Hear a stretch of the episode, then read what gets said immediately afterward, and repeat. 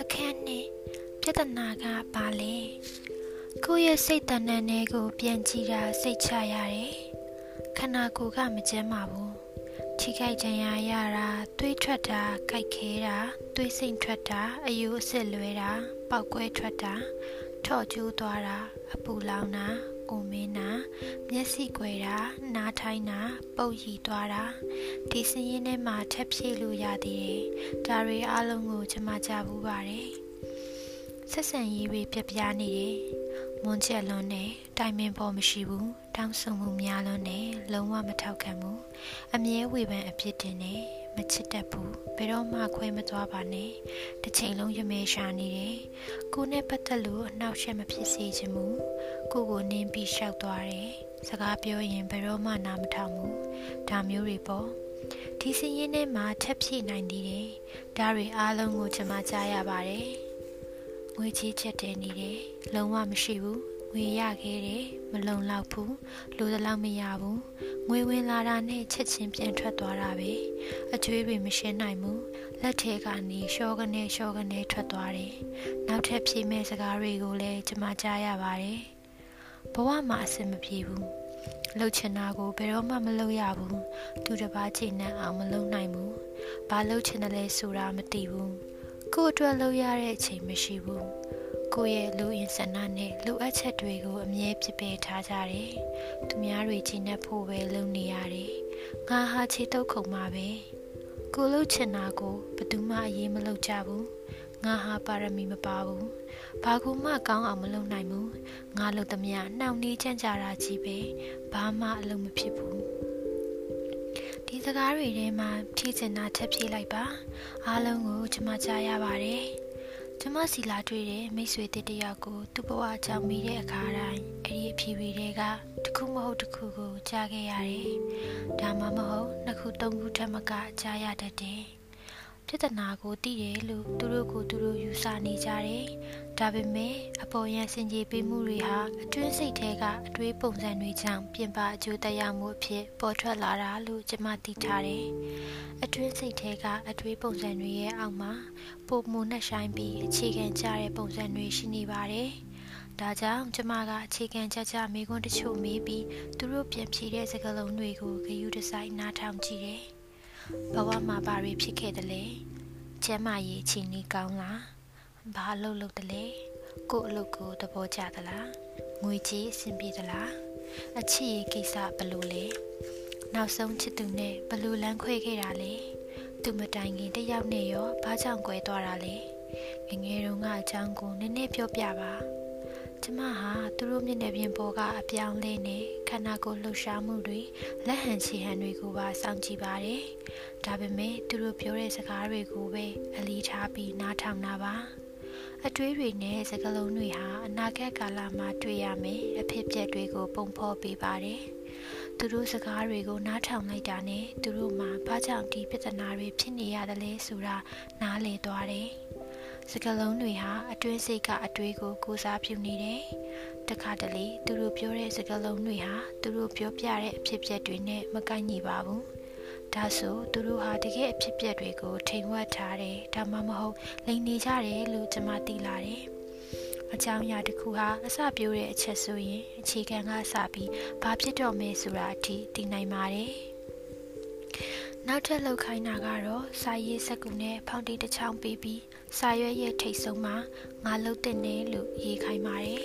။သူတို့ဟာဒီဝကြထဲမှာ၅ချက်၆ချက်လောက်စည်ရင်ဖြည့်သွင်းပါတယ်။ တချို့လူတွေကစပြီးရေးဖို့တောင်ခက်ခဲနေပေမဲ့တချို့ကတော့ရေးစရာတွေများလုံးလို့မရက်တက်နိုင်ကြဘူး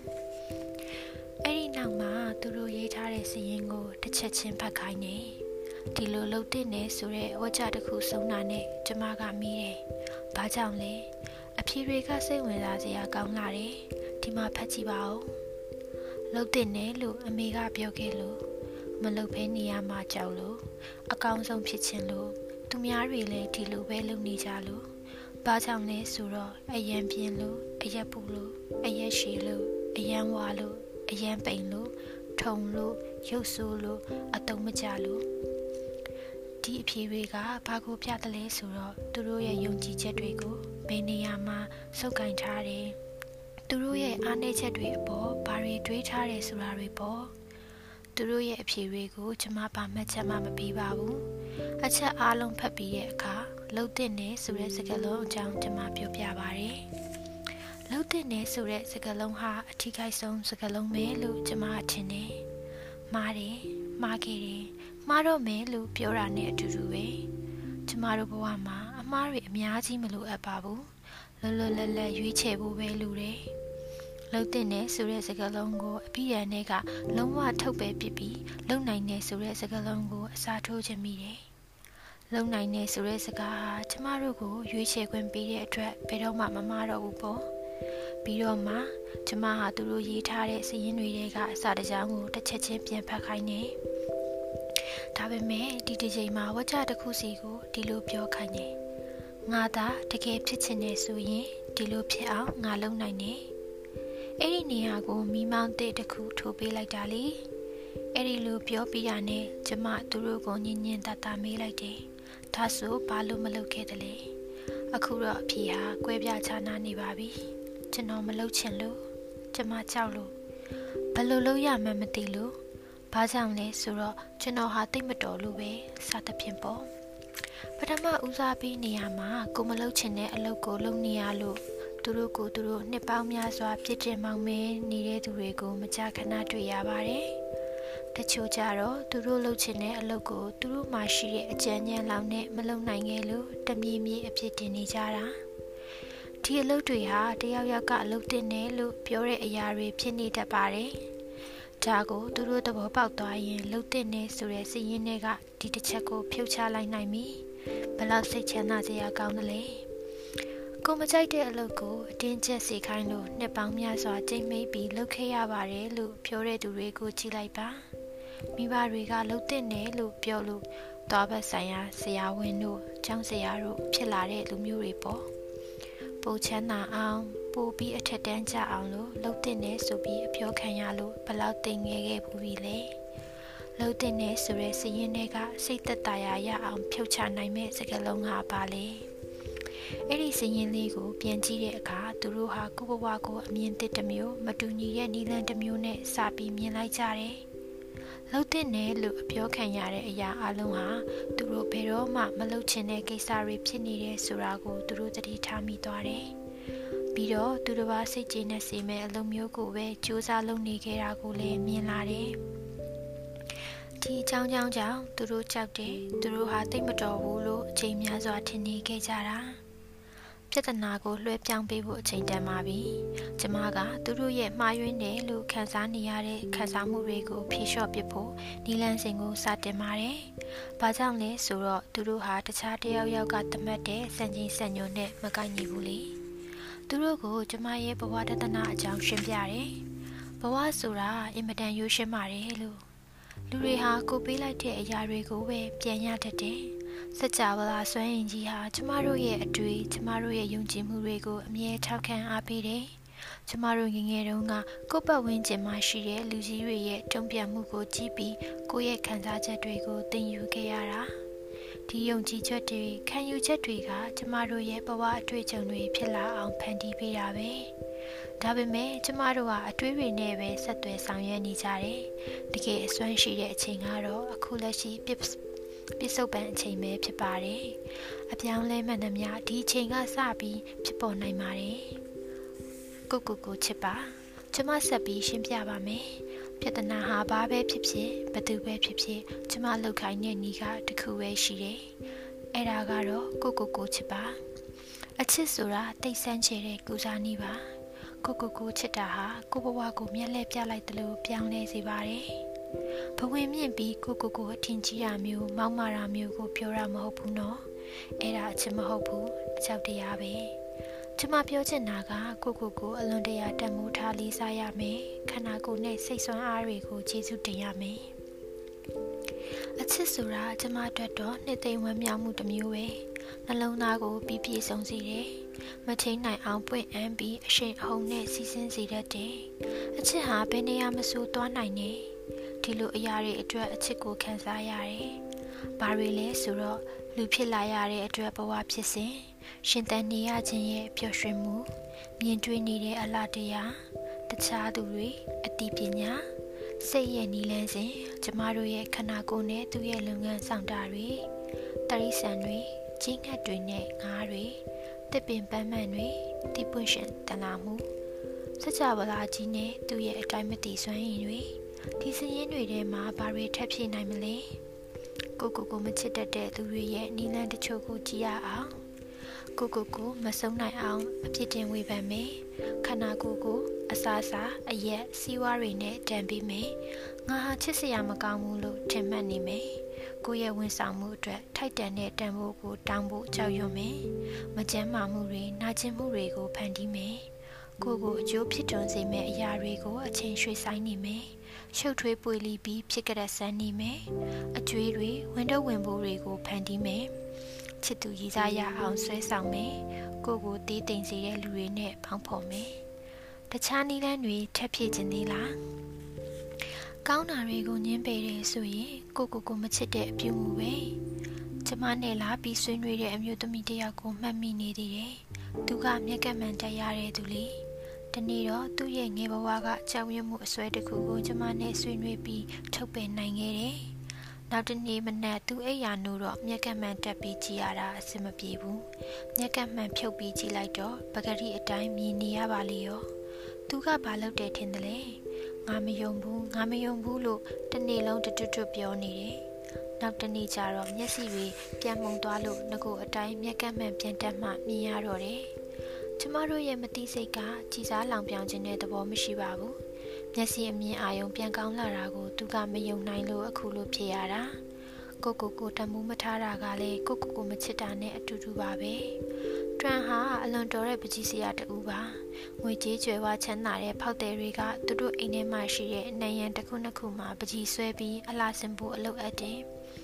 သူကအမြဲတမ်းအကျွေးမကင်းတဲ့သူဖြစ်ပေမဲ့သူဆိုတဲ့ဈေးကအရန်နေနေတယ်။အလုပ်ပြီးမဲ့ကာလာအထိ ကုန်ကြတဲ့ဈေးစကားတော့မကားမိဘူးလေ။ဝန်ဆောင်မှုပဲဖြစ်ဖြစ် ပစ္စည်းတစ်ခုခု ထုတ်လုပ်တာပဲဖြစ်ဖြစ် အနုပညာလက်ရာဆိုတာ ဈေးမျိုးမျိုး ခေါ်နိုင်ပါတယ်။ငွေကြေးပြည့်စုံကြွယ်ဝသူတွေဟာ သူတို့လိုချင်တဲ့အနုပညာလက်ရာအတွက် ဈေးကြီးကြီးပေးရတာကို ကြိုက်နှစ်သက်ပါတယ်။ပို့ပြီးတော့လည်းတမိုးထားပါတယ်။နောက်ထပ် ဥပမာတွေ ပြပါဦးမယ်။ ကျမရဲ့ရည်စားဟာပင်ပန်းနှွမ်းနေပြီးတော့တုံမုံနေတယ်။ဒီလိုဖြစ်အောင်ဘာအမှားလုပ်မိလို့လဲ။သူကတခါတခါအပြင်ထွက်လေဖို့ခေါ်ပြီးနောက်ထပ်လုံးဝမဆက်သွဲတော့ဘူးတခုခုတော့မားနေပြီထင်တယ်ခွာရှင်းပြက်ဆဲပြီးရဲ့နောက်မှာကျမတို့ဟာအရှုံးသမားဖြစ်သွားပြီတိုးတက်အောင်လုပ်ဖို့ပြောမှကြောက်တယ်ကျမတို့ရဲ့ခန္ဓာကိုယ်ဟာအမျိုးသားကြိုက်မဂ္ဂဇင်းတွေကပုံတွေနဲ့တခြားစီပဲဒါကြောင့်အားငယ်မိတယ်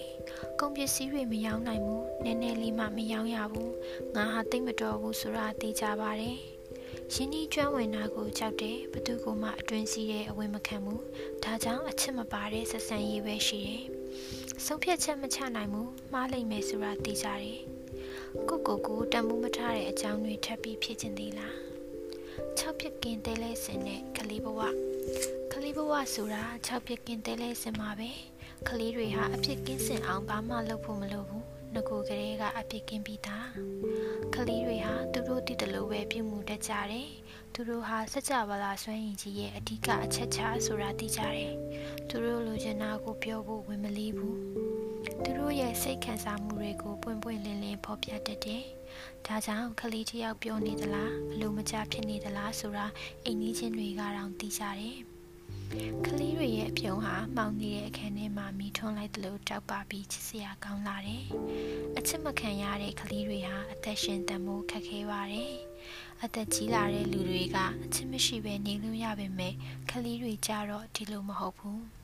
။ကလေးတွေကိုချစ်ဖို့လိုတယ်လို့ကလေးတွေကလည်းချစ်တတ်တယ်။သူတို့ကသူတို့တကူလုံးကိုချစ်တဲ့အပြင်သူတို့ပါလိုက်တဲ့အီအီလေးတွေကအစသူတို့ချစ်တယ်။ အံ့ဩစရာကောင်းလောက်အောင်တတိရှိရဲ့အရေးချင်းကိုလည်းပိုင်ဆိုင်ကြတယ်။ခလေးဘဝတုန်းကတော့ကျမတို့အားလုံးဒီလိုပါပဲ။နောက်တော့မှသာကိုဘေးဘက်ဝင်းချင်းကလူကြီးတွေကိုကြည့်ပြီးအတူမြင်အတက်တင်ခဲ့ကြတာ။ဒါကြောင့်လေကြောက်ရွံ့တက်လာတာပေါ့။ပြီးတော့ကလေးဘဝတွေကပိုင်ဆိုင်လာတဲ့အမခန်းအရေးသွေးတွေကိုညှင်းပယ်လာကြတယ်။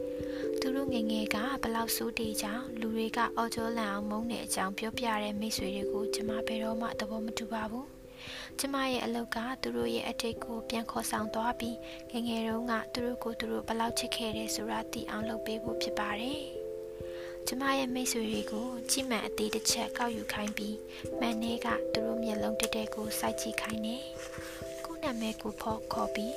ငါမင်းကိုချစ်တယ်။ အခုတွေ့နေတဲ့အတိုင်းမင်းကိုလုံးဝလက်ခံတယ်လို့ပြောခိုင်းပါတယ်။ဒီလေးချင်ငန်းဟာလူအများစုအတွက်သိခက်ခဲတယ်။ဒီလေးချင်ငန်းကိုကြိုက်ဖို့တောင်တာထားစိတ်အေးချမ်းငြိမ်သက်မှုရခဲ့တယ်။တချို့ကမူတယ်တချို့ကမျက်ရည်ဝဲတယ်တချို့ကစိတ်ဆိုးတယ်။တချို့ကသူတို့အတွင်ပြင်ကိုတီးတိမ်အောင်လုပ်တယ်တချို့ကသူတို့မလုံးနိုင်ဘူးလို့ပြင်းပြင်းထန်ထန်ပြောတယ်တဦးဆိုရင်မှန်ချက်ကိုပြစ်ပေါက်ပြီးအခန်းထဲကထွက်ပြေးတော့မလို့ မန်နေကသူ့ရဲ့ရုပ်သွင်းနဲ့ဆက်သွယ်နိုင်ဖို့နှစ်လသုံးလကြာအောင်ချိန်ပေးခဲ့ရတယ်ကျမဟာနှစ်ပေါင်းများစွာမှန်နေကကိုရုပ်ပုံကိုအပြည့်ရှာဝေဖန်ဖို့စစ်စစ်ဆက်ဆက်ကြည့်ခဲ့တယ်။အချိန်ကုန်လို့ကုန်မှန်းမသိအောင်မျက်ခုံးမွေးတွေကိုတစ်ချောင်းချင်းဆွဲနှုတ်နေခဲ့တာအခုနေပြန်တွေ့တော့ရည်စရာပါပဲ။ကိုမျက်လုံးတွေကိုအမြဲစိုက်ကြည့်တဲ့အခါကြောင်ရုံနဲ့ခန်းစားချက်ကကျင်သားရလာတော့တယ်။ဒီလေးချင်ငန်းဟာရိုးရိုးလေးဖြစ်ပေမဲ့ကျမကိုအများကြီးညွန်ပြနိုင်ခဲ့တယ်။ တနာရီတောင်မကြာတဲ့အချိန်မှာအပေါ်ယံပြဿနာအောက်ကအတွင်းပို့ဖို့ချက်ကိုလှမ်းမြင်နိုင်ပြီ။တကယ်လို့ပြဿနာဖြစ်နေတဲ့နေရာမှာပဲကြည်နေရဆိုရင်အကြောင်းအရာတစ်ခုချင်းတစ်ခုတိုင်းအတွက်အသေးစိတ်အချက်လက်တွေရအောင်အချိန်ကြာကြီးသုံးနေရမယ်။စဉ်းစားနေတဲ့မိနစ်ပိုင်းအတွင်းအားလုံးကိုပြင်ဆင်ထားလိုက်ရင်တနေရာထဲမှာပေါ်ထွက်လာမှအမှန်ပဲပြဿနာဆိုတာတကယ်ပြဿနာအစစ်ဖြစ်ခဲ့ပါတယ် အမျိုးသမီးတစ်ယောက်ကသူ့ရုပ်ရည်နဲ့ပတ်သက်ပြီးပြဿနာဖြစ်နေတယ်အထူးသဖြင့်သွားရီမလာဘူးတဲ့သူဟာသွားဆရာဝန်တယောက်ပြီးတယောက်ပြောင်းပြီးပြပေမဲ့ပိုပြီးကြည်ရဆိုးလာတယ်နှာခေါင်းလာအောင်ခွဲစိတ်ပြုပြင်ပြန်တော့လည်းအဆင်မပြေဘူးခွဲစိတ်ပြုပြင်မှုတိုင်းဟာသူ့ကိုရုပ်ဆိုးစေတယ်လို့သူကထင်တယ်သူ့ရဲ့ပြဿနာကသူ့ရုပ်ရည်ကြောင့်မဟုတ်ဘူး တနည်းအားဖြင့်မှာချို့ယွင်းချက်ရှိနေတယ်လို့ထင်နေတဲ့သူ့ရဲ့စိတ်ကြောင့်ဖြစ်ကြတာနောက်မျိုးသမီးတစ်ယောက်ကတော့ပါဇက်အနံ့ဆိုတဲ့ပြဿနာပါသူဘေးနားရောက်သွားတဲ့လူတွေအတွက်အဆင်မပြေဘူးပေါ့သူကတရားဟောဆရာဖြစ်ခြင်းလို့လေလာသင်ယူနေပါတယ်။အပေါ်ယံကကြည်ရင်တော့ဘာသာရေးကိုင်းဆိုင်ပြီးစိတ်ထားဖြစ်စင်တဲ့ပုံပဲ။တကယ်တော့အပေါ်ယံရွှေမုံကျဲထားတာ။ သူ့ရဲ့အတွင်းစိတ်ထဲမှာပြင်းထန်တဲ့အမျက်ဒေါသတွေနဲ့မနာလိုမှုတွေရှိနေတယ်။သူများတွေကသူ့နေရာကိုလူဖို့ကြိုးစားနေကြတယ်လို့သူထင်လိုက်တော့ပောက်ကွဲထွက်လာတာပေါ့။အပြင်းပန်းကြည့်ရင်ချစ်ခင်ကျင်နာတဲ့တရားနဲ့အတွင်းစိတ်ထားပုတ်လို့ပါဇက်ကအနံ့ဆိုးတွေထွက်လာတာဘသူကြောင့်မှမဟုတ်ပါဘူးသူကိုယ်တိုင်ကြောင့်ဖြစ်လာတာပါ Hawking disease ခန္ဓာကိုယ်တစ်ခုလုံးမှာရှိတဲ့ပြန်ရည်ဂလန်းတွေနဲ့အသက်ရရွက်ကြီးလာတဲ့ယောဂခံစားနေရတဲ့15နှစ်သားကလေးတယောက်ကိုတွေ့ဘူးတယ်။ကျမစီခေါ်လာတဲ့အချိန်မှာယောဂကြောင့်3လပဲခံတော့မယ်ဆိုလို့သူ့အမိခမအယူမီဝိုင်းဖြစ်နေရှာတယ်။ဒါပေမဲ့တငယ်လေးကတော့ထက်မြက်အကင်းပါပြီးအသက်ရှင်စင်စိတ်ပြင်းထန်နေတ တိတခြားစီခွဲနေကြတဲ့မိဘနှစ်ပါးဟာသူ့ရှေ့မှာအမြဲရန်ဖြစ်နေကြတော့သူ့ဘဝလေးဟာမငြိမ်ချမ်းဘူးသူ့ရဲ့အတွေ့တွေပြောပုံဆိုပုံတွေပြောင်းလဲဖို့တာမကကျမပြောသမျှအားလုံးကိုထပ်ထပ်တန်တန်လုပ်ခဲ့ပါတယ်နောက်တစ်ယောက်ကတော့ရုပ်ရှင်သရုပ်ဆောင်ဖြစ်ချင်တာလေသူလိုချင်တဲ့အောင်မြင်မှုနဲ့ကြော်ကြားမှုတွေရဖို့အလံဝေးနေသေးတယ်။နာမည်ကြော်ကြားမှလူတွေကသူ့ကိုလက်ခံလိမ့်မယ်လို့သူကထင်တယ်။ ဒါကြောင့်ကျမကကိုကိုကိုချစ်ဖို့အရှိတိုင်းလက်ခံဖို့ပြောခဲ့ရတယ်။အခုတော့သူဟာတက်လန်တွေပွင့်သွားပြီး Broadway မှာပုံမှန်ပွဲထွက်ခင်ရနေပြီ။အဝလွန်နေဆိုတာဟာနောက်ထပ်အကောင်းဆုံးဥပမာတစ်ခုပါပဲ။ကိုအလေးချိန်ကြခြင်းလို့နီးလန်းမျိုးမျိုးနဲ့စူးစမ်းနေလိုက်ရတာ။အစီတွေကြအောင်နှစ်ပေါင်းများစွာကြိုးစားနေရင်ဝါမြဲဝါဆဲဖြစ်နေကြတယ်။စီးချိုဖြစ်ရင်လည်းအဝလွန်လို့တယ်။ နှလုံးယောဂဖြစ်ရင်လည်းအဝလွန်လို့ဆိုပြီးတော့ပြဿနာအလုံးကိုပုံချနေကြတယ်။တကယ်တော့အတွင်းစိတ်ထဲမှာအနက်ရှိုင်းဆုံးပြဿနာရှိနေပါတယ်။ကျမတို့ရဲ့အတွင်းစိတ်ထဲမှာကြောက်ရွံ့မှုမလုံခြုံမှုနဲ့ငါဟာသိမတော်ဘူးဆိုတဲ့အတွေးတွေရှိလာရင်ဒါကိုကာကွယ်တားဆီးဖို့အတွက်ခန္ဓာကိုယ်ကဝါလာတတ်ပါတယ်။ဝါလာလို့ကိုကိုကိုဒေါသထွက်တာကိုကြိုက်တဲ့အစားအစာကိုစားပြီးတိုင်းနောင်နာရတာ အစီကြစီတွေတောက်တာလေးချင်ကန်တွေပြင်းပြင်းထန်ထန်လုပ်တာအားလုံးအားလုံးအချိန်ကုန်တာပဲဖတ်တယ်နေတဒလူရီလုတ်ပြီးနှစ်20လောက်ကြာသွားလဲဒုံရင်အတိုင်းဝနေမှာပဲ။ဘာကြောင့်လဲဆိုတော့ပြဿနာအစစ်အမှန်ကိုရှာမတွေ့သေးလို့ဖြစ်ပါတယ်။အဝလုံးနဲ့ခန္ဓာကိုယ်အတွက်ကိုလေးချိန်လျှော့ချဖို့ကြိုးစားသမျှနည်းလမ်းတွေဟာကိုကိုပို့ပြီးတော့ကြောက်ရွံ့စေတယ်။မလုံခြုံမှုဖြစ်စေတယ်။ဒါကြောင့်လဲပို့ပြီးဝါလာတာပေါ့။ အဝလွန်တဲ့ပြဿနာအတွက်ကိုအလေးချိန်နဲ့နေ့စဉ်အစားအစာပုံစံအပေါ်အဓိကပြောနေကြတာကိုလည်းကျမသဘောမတူပါဘူးတကယ်လိုအပ်တဲ့အာဟာရကတော့စိတ်အာဟာရပါအစိုးမြင်တဲ့အတွေ့မကောင်းတဲ့အတွေ့တွေကရလာတဲ့စိတ်အာဟာရကသာဒီအခြေအနေကိုဖန်တီးတာဖြစ်ပါတယ်ကျမမိတ်ဆွေတွေကိုဒီလိုပြောလို့ရှိတယ်ဒီကိစ္စကိုခဏပေးချိတ်ပြီးတခြားအရေးကြီးတဲ့ကိစ္စကိုအရင်လုပ်ကြတာပေါ့ ဝါတဲ့သူတွေဟာသူတို့ခန္ဓာကိုယ်ကိုမကြိုက်တဲ့အကြောင်းပြောတတ်ကြတယ်။ကောင်းမလေးတယောက်ကဆိုရင်သူဟာဘဲဥနဲ့တောင်တူနေပြီရဲ့။ကိုကိုကိုမချစ်လို့အခုလိုဝါလာတာ။ကိုကိုကိုချစ်တယ်ကိုကိုကိုထောက်ခံနေဆိုရင်အံ့ဩစရာကောင်းလာအောင်အစီအပိုတွေပျောက်ကွယ်သွားလိမ့်မယ်လို့ကျမကရှင်းပြတယ်။တခါတလေလူတွေကကျမကိုတော်တော်ဒေါသထွက်ကြတယ်။သူတို့အကြီးအကျယ်ထင်မှတ်ထားတဲ့ပြဿနာကိုကျမဖြေရှင်းတဲ့ဤကရိုးလွန်းနေလို့လေ။ ကျမတကယ်မသိပဲဖြီးနေတာလို့တောင်ထင်ကြမယ်အမျိုးသမီးတယောက်ကတော့ချစ်ချင်းကနာမငြိမ်ဖြစ်လာပြီးဒီနေရာကိုကျမလာတာကျမရဲ့ပြဿနာတွေကိုကူညီစေခြင်းလို့လာတာကိုကိုကိုချစ်ဖို့လာတာမဟုတ်ဘူးလို့ရန်တွေ့တယ်သူ့ရဲ့ပြဿနာအစ်စ်ကသူ့ကိုယ်သူအယမ်းမုန်းတီးနေတာလို့ဆိုတာကိုတော့ကျမကမြင်နေရတယ်သူရေးချတဲ့ပြဿနာစင်းတွေမှာလည်းသူ့ကိုယ်သူမုန်းတီးတာပေါ်လွင်နေတယ် အဲ့ဒီလိုခံစားနေရသမျှသူဘယ်တော့မှဖြေရှင်းနိုင်မှာမဟုတ်ဘူးကျမပြောတာကိုသူနားမထောင်ပဲမျက်ရည်တွေကျပြီးပြန်သွားတယ်တနေ့လောက်ကြာတော့ကျမစီပြန်ရောက်လာတယ်အရင်ပြဿနာတွေရောနောက်ထပ်ပြဿနာတွေရောထပ်ပေါင်းပြီးပြန်လာတယ်လေတချို့လူတွေကကိုကိုကိုပြောင်းလဲဖို့အဆင်သင့်မဖြစ်ကြဘူးကျမတို့ဟာကိုကိုကိုပြောင်းလဲဖို့မှန်ကန်တဲ့အချိန်မှစတင်ရပါမယ်ကျမတို့တက်40ကျော်တဲ့အထိပြောင်းလဲမှုလုပ်ဖို့မစနိုင်ခဲ့ပါဘူး ပြဿနာအစ်စ်ကဲအခုကျမရှိမှလူတယောက်လာထိုင်ပြီးမန်နေကသူ့မျက်နှာကိုစိုက်ကြည့်နေပြီဆိုပါစို့ခဏကြာရင်သူမငြိမ်မသက်ဖြစ်လာလိမ့်မယ်